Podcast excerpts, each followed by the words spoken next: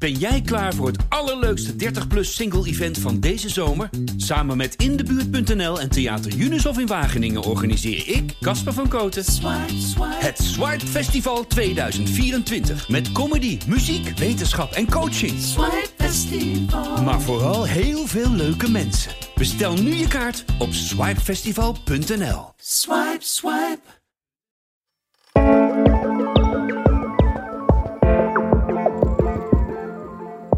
Dit is Ondertussen in de Kosmos, de podcast van de Volkskrant, waarin we alles en iedereen door een wetenschappelijke bril bekijken. Mijn naam is Tony Mudde, chef van de wetenschapsredactie. En ik zit hier met Kaya Bauma, onze redacteur Psychologie en Brein. Onze vaste luisteraars die zullen het inmiddels wel weten. We vroegen lezers van de krant en van deze podcast om ons haast onmogelijk te beantwoorden vragen te stellen. En dan gaan wij met hulp van wetenschappers toch op zoek naar het antwoord. En normaal volgt dan nu even een audiofragmentje van de lezer die zijn of haar vraag voorstelt. Alleen deze lezer die dacht, toelidoki, ik wil helemaal niet dat mijn stem te horen is voor alle luisteraars. Die wil lekker anoniem blijven. En uh, it's a free country, dus dan vraag ik gewoon aan Kaya om de vraag even voor te lezen. Hoe komt het dat sommige mensen van nature zwaarmoedig zijn en anderen in moeilijke omstandigheden blijven lachen en doorgaan met hun leven? Ja, hele, hele goede vraag. Zo van, ja, eigenlijk van wanneer is de een, waarom is de een pessimistisch en de ander optimistisch? En dat zie, je, dat zie je van dichtbij in families. En je ziet, het, je ziet overal op de werkvloer verschillen tussen mensen. Ja. En, uh, maar dan vraag ik me ook meteen af van, ja, hoe, hoe meet je dat? Ik bedoel, thermometer denk ik van, ja, dat is vrij duidelijk. Uh, 37 graden. Ja. Maar optimisme, pessimisme... Nee. Je kan het niet met een bloedtest uh, nee. meten. Maar uh, heel simpel, eigenlijk zoals heel veel in de psychologie, met een vragenlijst. Door een vragenlijst. mensen vragen te stellen. Ja, okay. en het is ook best een korte vragenlijst. Dus uh, dat is wel leuk. Maar je kan hem zelf ook heel makkelijk doen. En we Mhm. kunnen hem ook even bij jou doen. Nou, hit me. um, nou, ik zal er even een paar uitpakken. Bijvoorbeeld de vraag: Als er iets mis met me kan gaan, zal dit ook gebeuren? Dan kun je zeggen: helemaal niet mee eens. Ja. Niet mee eens. Nou, ik weet het niet helemaal. Ik zit in het midden. Mm -hmm. Mee eens. Of helemaal mee eens. Oké, okay, zo'n vijfpuntschaal. Ja. Uh, en dan nog één keer de vraag. Als er iets mis met me kan gaan, zal dat ook gebeuren. Uh, um, dat ben ik het mee oneens. Oké. Okay. Ja. Staat genoteerd. Staat genoteerd. ja, volgende um, vraag. Ik ben altijd optimistisch over mijn toekomst. Dus weer hetzelfde. Dus helemaal mee eens tot helemaal mee oneens. Nou, er kan natuurlijk altijd iets misgaan. Dus ik ben het niet helemaal mee eens. Maar toch wel eens. Oké. Okay. Een laatste vraag. De dingen lopen nooit zoals ik het zou willen. Mm, totaal mee oneens. Nou, kan ik even jouw score uitrekenen. Spanning stijgt. Drumroll, ja. Ik heb al wel zo'n vermoeden als ik jouw antwoorden hoorde. Maar je scoort 20 van de 24 punten. En dat betekent dat je hoog optimistisch bent. Ja. Bovengemiddeld optimistisch. Ik voel me nu echt als een soort leerling die zijn rapportcijfer krijgt. zo, oh, zo van, oké, okay, het is uh, uh, hoog. Heb je hem zelf ook gemaakt of niet? Ja, ik heb hem zelf ook gemaakt. En uh, dat is wel grappig, want bij mij kwam er twee keer net iets anders uit. Um, ik Twee was... keer net anders? Op uh, verschillende ja, ik heb hem maanden gemaakt, of zo? Ja, toen ik net begonnen was met dit stuk en toen ik hem uh, net af had. Ja. En, uh, ik was, toen ik net begonnen was, was ik uh, gemiddeld optimistisch. En toen hij af was, ging ik wat meer richting uh, jouw richting op. Oh ja. Je dacht, oh, dat je toen dacht, nee, alles komt toch goed. Precies, ja, ja. ja. nou ja, dat zegt ook wel wat over. Je bent natuurlijk niet elke dag precies dezelfde persoon. Dus je, je, je maakt ook uit wat je op een dag meemaakt. Hoe je geslapen hebt, hoe je je voelt überhaupt. Hoe Oh je ja. in het leven staat. En dat verschilt natuurlijk ook weer hè, van maand tot maand, van jaar tot jaar. En uh, waarschijnlijk hebben heel veel mensen deze test gedaan. Wat is de gemiddelde score van de gemiddelde wereldburger? Nou, gemiddeld zijn de meeste mensen wel optimistisch. Mm -hmm. Eerder optimistisch dan pessimistisch. Dus wat dat betreft ben je eigenlijk heel... Uh, zijn wij allebei eigenlijk heel gemiddeld. Ja. Um, maar wat wel interessant is, ze hebben ook, er is ook onderzoek gedaan waarbij gekeken is over de hele wereld. Hè, hoe, hoe, hoe optimistisch zijn mensen nou gemiddeld in bepaalde landen? En dan valt toch wel op dat in westerse landen rijke landen ehm, mensen toch wat vaker iets optimistischer zijn dan in bijvoorbeeld een land als Mali, Burkina Faso, Oekraïne trouwens. Ja, gewoon landen met gewapend conflict, uh, armoede, ja, dat, dat, lijkt me. Landen met meer, waar mensen toch meer ellende meemaken in het dagelijks leven en minder kunnen, ja, minder zekerheden hebben. Ja. Niet een, per se een goed inkomen of een overheid waar je heel kunt vertrouwen. Dat maakt wel verschil. Maar het is wel zo dat de verschillen tussen mensen binnen landen groter zijn dan de verschillen tussen landen. Oké. Ja, dus er zijn, er zijn nog steeds mensen die in, uh, in Burkina Faso wonen en die beduidend optimistischer in het leven staan dan mensen die hier in het Rijke Westen wonen. Zeker. Ja. ja.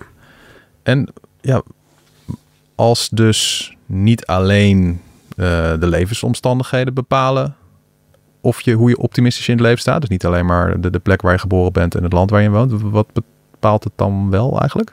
Ja, dat is natuurlijk waarom dit een, een grote, moeilijk te beantwoorden vraag is. Dat weten we niet precies. Um, het is een mix van, van omstandigheden, wat je meemaakt in je leven. Um, hoe je opgevoed bent. Of je een uh, veilige thuissituatie had als kind. Mm -hmm. Of je ouders keken naar jou en je emoties uh, aanvoelden en een beetje op inspeelden. Um, maar ook gewoon uh, zit ook een genetische component aan. Um, ja. Ik ben langs geweest bij Mijke Bartels, hoogleraar genetica en welbevinden. En, dat is een mooie professortitel. Ja, dat is zeker een mooie, ja. mooie titel. En, en die, um, die heeft een inschatting gemaakt op basis van onderzoek. Um, en het komt erop neer dat 25 tot 35 procent van optimisme, uh, daar is een genetische basis voor. Oh ja. Dus dat wil niet zeggen dat mijn uh, optimisme voor 25 tot 35 procent uh, genetisch bepaald is. Dat ik dat van mijn ouders heb gekregen. Maar meer als je op groepsniveau kijkt naar de verschillen tussen mensen, dan is, is, zit er dus een erfelijke component in. Ja, dat doen ze vaak met tweelingonderzoek, toch? Om dan te Precies. kijken van wat is nou de genetische component? Zo van waar daar word je mee geboren en daar heb je mee te doen. En wat wordt er daarna nog bepaald door wat je allemaal meemaakt in je leven? Precies, ja. ja. 25 tot 30 procent genetisch. 35 procent, ja. Oké. Okay. Uh, en, de, en de rest is dan uh, nurture, omgeving, opvoeding. Of je leraar aardig tegen je is, of je ouders aardig tegen je zijn. Ja, zo zou je het kunnen zeggen, ja. ja. En um, ja, als je dan dus heel veel... Dan is dus eigenlijk het grootste deel is nog steeds wel gewoon wat je meemaakt in je leven. Dus als je dan heel veel narigheid meemaakt dan ben je gedoemd om pessimistisch te zijn, toch? Zou ik denken. Ja, nou, het is, het is wel iets complexer dan dat. Kijk, je, je genen uh, werken ook weer in op je omstandigheden. En dat klinkt heel vaag, Mhm. maar in de praktijk zijn het dingen als... Uh, je wordt bijvoorbeeld geboren met een, een bepaald gezicht.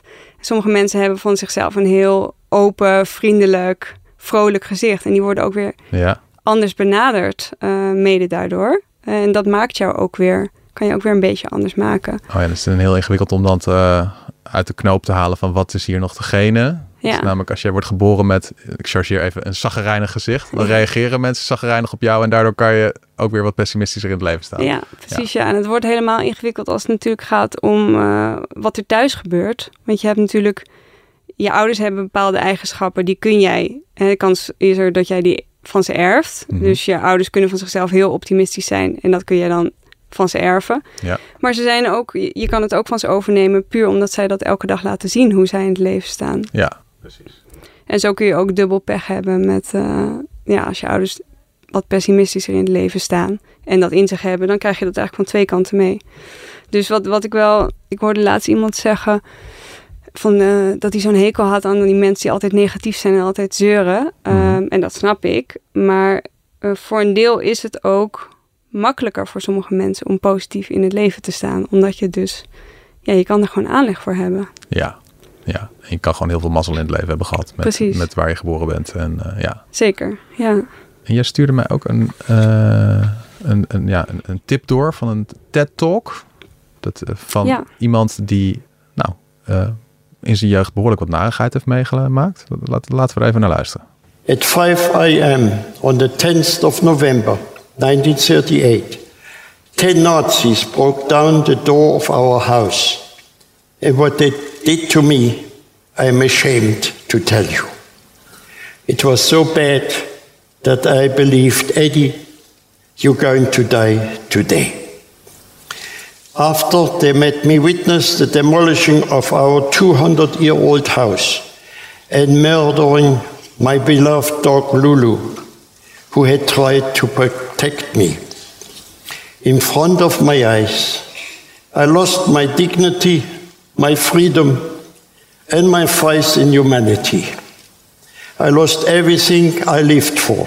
Eh, Kaya, wie, wie is dit? Dit is, de, uh, dit is Eddie Jaku. Op het Mhm. moment dat hij dit vertelt voor TEDx is hij 99 jaar oud. Ja. Hij is inmiddels overleden, twee jaar geleden. Um, maar Eddie Jaku was een, uh, is geboren in Duitsland, in een Joodse familie, die zich eigenlijk altijd meer Duits gevoeld had dan Joods, tot de Tweede Wereldoorlog uitbrak. En uh, nou, er enorm veel ellende op zijn pad kwam, wat je hier ook hoort. En dat is eigenlijk nog maar het begin. Um, uiteindelijk werden hij en zijn uh, ouders en zijn zus naar Auschwitz getransporteerd, waar zijn beide ouders vermoord zijn, vergast. Um, zelf overleefde hij het concentratiekamp ter nauwe.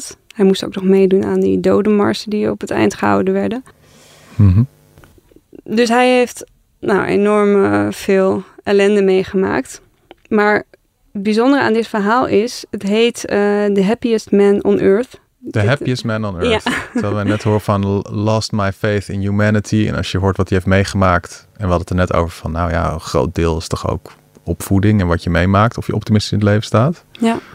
Als je dit hoort, denk je van ja, hier, als op zo'n bepaald moment in je, nou, jong volwassen was hij toen. Ja.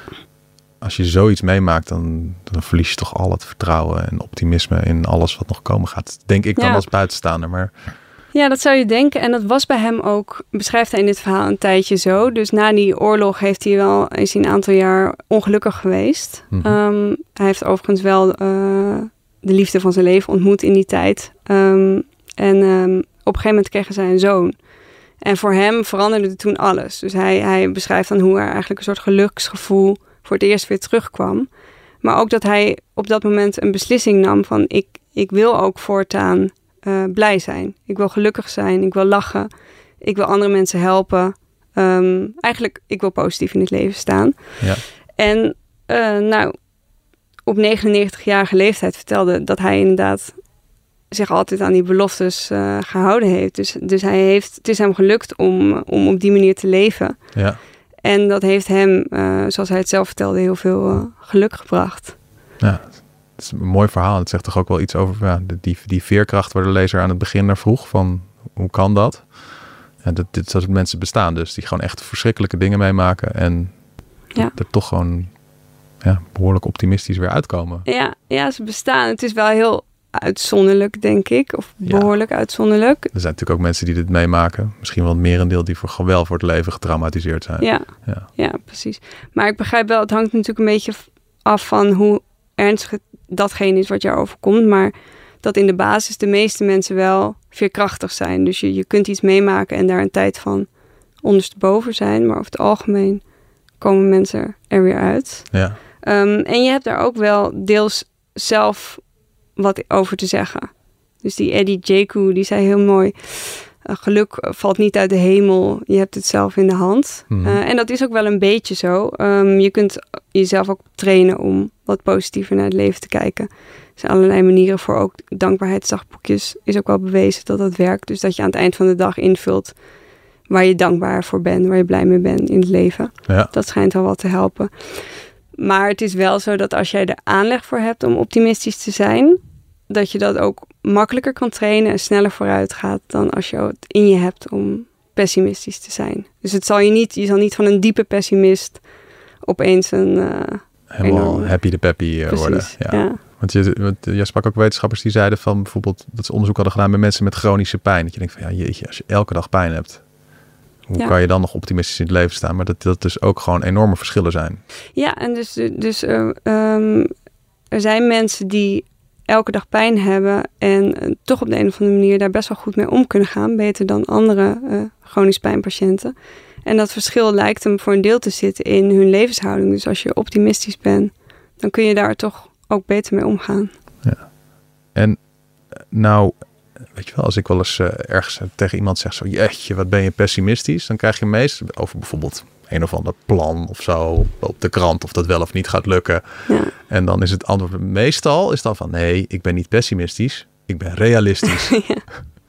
En dan, ja, dan denk ik van ja, hebben ze een punt? Zijn pessimisten soms wat realistischer over wat er gaat gebeuren in het leven? Of? Ja, dat hangt een beetje vanaf. Als je heel pessimistisch bent, dan verwacht je natuurlijk dat er alleen maar ellende in het leven zal zijn. En dat is natuurlijk ook niet realistisch.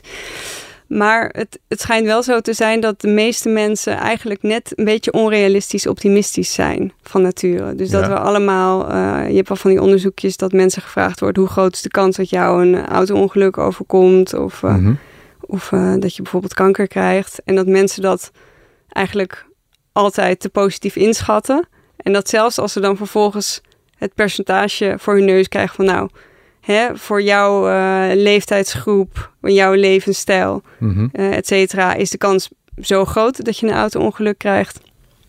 Ik doe maar even wat. Uh, Dat ze dan alsnog niet goed bij. Dan stellen ze het wel wat, wat hoger bij, maar nog steeds niet naar het echte percentage. Dat ze altijd denken van ja, maar ik. mij overkomt, mij dat, overkomt niet. dat niet. Ja, ja dat, dat, het lijkt ook wel een beetje dat mensen altijd vinden dat ze beter auto rijden dan de gemiddelde Nederlander. Precies. En dat vindt dan 95% van de Nederlanders die denken van ja, dat kan dan niet. dat past niet. En uh, ja, is het ook nog zo dat, ja, ik zit te denken, is een van de twee gezonder? Want ik zou, eerst dacht ik van, oh ja, nee, als je optimistisch bent, dat is vast gezonder. Want dan ben je de hele tijd, uh, zie de toekomst uh, vrolijk in en dat maakt je vast minder tobberig. Maar toen dacht ik zo van, ja, even berg beklimmen. En dan zegt de optimist, nee joh, touw helemaal niet nodig. Ik, uh, ik klim wel zonder touw, gaat allemaal prima. Uh, dus er zit natuurlijk ook een gevaar in dat je over alles optimistisch bent. Is, is een ja. van de twee nou gezonder? Nou ja, dat is moeilijk te zeggen. Ik denk dat bij allebei de uiterste ongezond zijn. Uh, te optimistisch is zeker niet gezond, want dan denk je inderdaad ook van, nou, ik hoef geen autogordel om of uh, ik ga lekker naar het casino. Ja, ik win ja, toch wel. Precies. Ja, en weg is al je geld. Ja, ja um, maar uit um, grote meta-analyses van meerdere van die onderzoeken, waarbij heel veel onderzoeken worden vergeleken, mm -hmm. in een hoop gegooid. Blijkt wel dat optimistische mensen toch wat ouder worden gemiddeld. En ook wat minder kans hebben op hart- en vaatziektes. Ja. Um, en dat zou dan, uh, dat heeft waarschijnlijk voor een deel te maken met het feit dat optimistische mensen ook wat uh, gezonder leven. Uh, dus ze sporten meer, ze drinken minder excessief, ze eten wat gezonder. Um, dat heeft weer waarschijnlijk te maken met uh, het feit dat optimistische mensen ook meer het gevoel hebben dat ze controle hebben over het leven. Dus dat ze er wat over te zeggen hebben. Mm -hmm. um, maar ook voor een deel dat optimisme ook beschermt tegen de negatieve invloeden van uh, stress op je lichaam.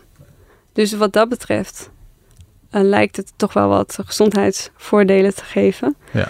En daarnaast um, zijn optimistische mensen ook vaak gelukkiger. Dus het is, we weten niet of dat komt doordat ze optimistisch zijn.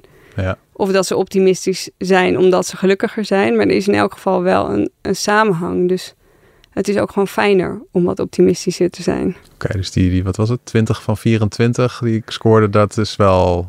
Dat is wel goed, Dat ja. is oké, okay. ja, oké. Okay. Ja, niet, niet te optimistisch.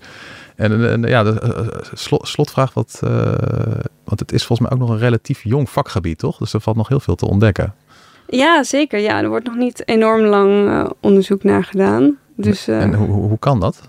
Dat het, je zou toch zeggen van ja, geluk, het is heel belangrijk voor mensen. En er zijn wetenschappers al uh, eeuwen naar op zoek van wat maakt mensen gelukkig en optimistisch. Ja, het werd toch ook lang wel een beetje gezien als een soort, nou ja, misschien meer een soort luxe onderzoek.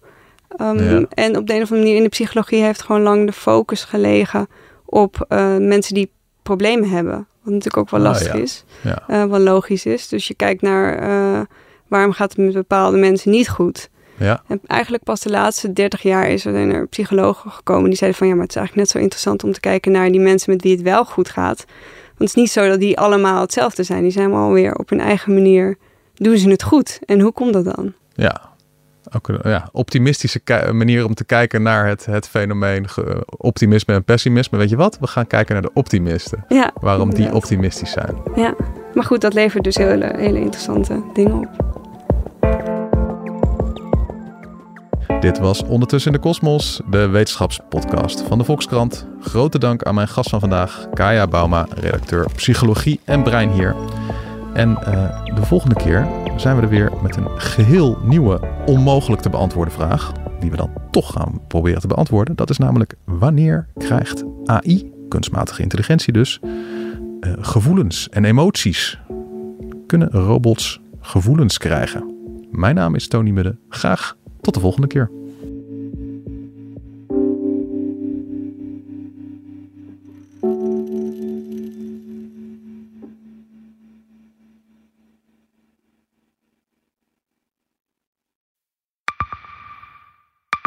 Zijn leven is overhoop gegooid. Plus dat heel veel mensen hem niet geloven. Vrienden niet, die, die denken, ja, hij is gewoon gek geworden. Hoe naar moet dat zijn? Als je vertelt over de meest indringende ervaring uit jouw leven en niemand gelooft dat je het echt hebt meegemaakt. Ja, ik vind zelf niet dat ik het verzonnen heb, maar sommige mensen denken dat wel. Maar hoe kom je erachter of jij je doelwit bent van een geheime dienst? Ik heb ook wel eens meegemaakt dat je het idee hebt dat inlichtingdiensten in je geïnteresseerd zijn. En dan kun je wel heel veel zien, wat er misschien helemaal niet is. Als ik s'avonds nog iets ging eten, dan volgden die mensen mee naar het restaurant. En dan terug van het restaurant naar het hotel. Als zij op een gegeven moment zei, kijk maar uit, want anders word je dadelijk nog het voert ook. Shit, ik moet hier weg. Dat is, is niet goed. Nu word ik gevolgd. Een soort Truman Show is het gewoon. Hè? Alsof dat hele straatbeeld voor jou is ingericht. Maar dan wel met bedoeling jou niet door te laten. Dit kan geen toeval zijn. Een nieuwe podcast van de Volkskrant. Mijn naam is Simone Eleveld en samen met Huid Modderkolk ontrafel ik een bizarre operatie van de geheime dienst. Wat het doel ook is, jij verliest het. Ik werd opgepakt, heel lang ondervraagd. Maar hoe krijg je grip in een wereld die zo onderzichtig is? Als je zou liegen, dan zou je niet de meest relevante informatie twee jaar later tussen neus en lippen doorvertellen. Er zal nooit iemand zeggen: Oké, Bart, ik geloof je. Nooit, nooit. Dit kan geen toeval zijn. Vanaf 3 oktober bij de Volkskrant. Ik weet niet of ik ook alles kan vertellen. Het is echt te bizar. Wat? Um, ja. Ben jij klaar voor het allerleukste 30-plus single-event van deze zomer? Samen met Indebuurt.nl en Theater Unisof in Wageningen organiseer ik, Casper van Koten, het Swipe Festival 2024. Met comedy, muziek, wetenschap en coaching. Swipe Festival. Maar vooral heel veel leuke mensen. Bestel nu je kaart op swipefestival.nl. Swipe, swipe.